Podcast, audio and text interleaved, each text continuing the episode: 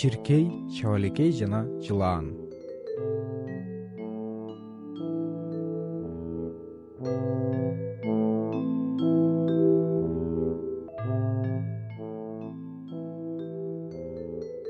илгери илгери жер жүзүн топон суу каптаганда нух пайгамбар жан жаныбарлардан тукум үзүлбөсүн деп ар уруу жаныбарлардан бир эркек бир ургаачы кылып кемеге салып жиберген экен. Күндөрдүн биринде кемеде тешик пайда болуп суу кемеге кире баштайт.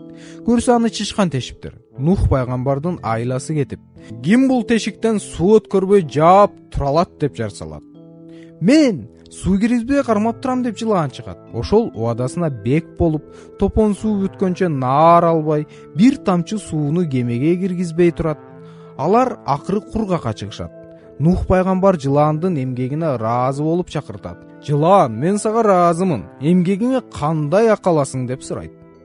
Дүйнөдө эмне таттуу болсо ошону алам дейт жылаан эмесе ар бир жаныбардын жемиштин даамын татып кимдики туура экенин билип кел деген нух пайгамбар макул болот да чиркейди жумшайт.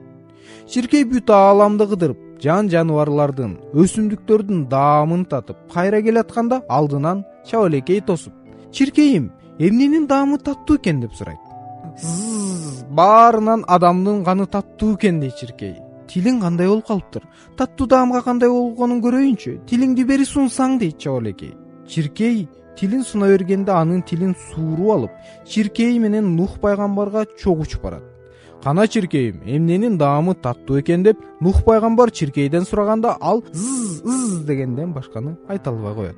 Баканын каны таттуу экен деп жатат деп чабалекей жооп берет. Чабалекейдин сөзүнө ачуусу келген жылаан куйругу менен бир чапканда чабалекей учуп кетип куйругу экиге бөлүнүп ошондон улам эки ача болуп калыптыр. Нух пайгамбар чабалекейдин сөзүнө ишенип баканы жылаанга буйруп коюптур. Ошондон улам жылаан бака соруп калат. Эгерде чабалекей болбогондо жылаан адамдын канын соруп калмак экен. Мына ушундан кийин жылаан менен чабалекейдин өч болуп адам менен чабалекейдин дос болуп калышы ушундан улам болуптур дешет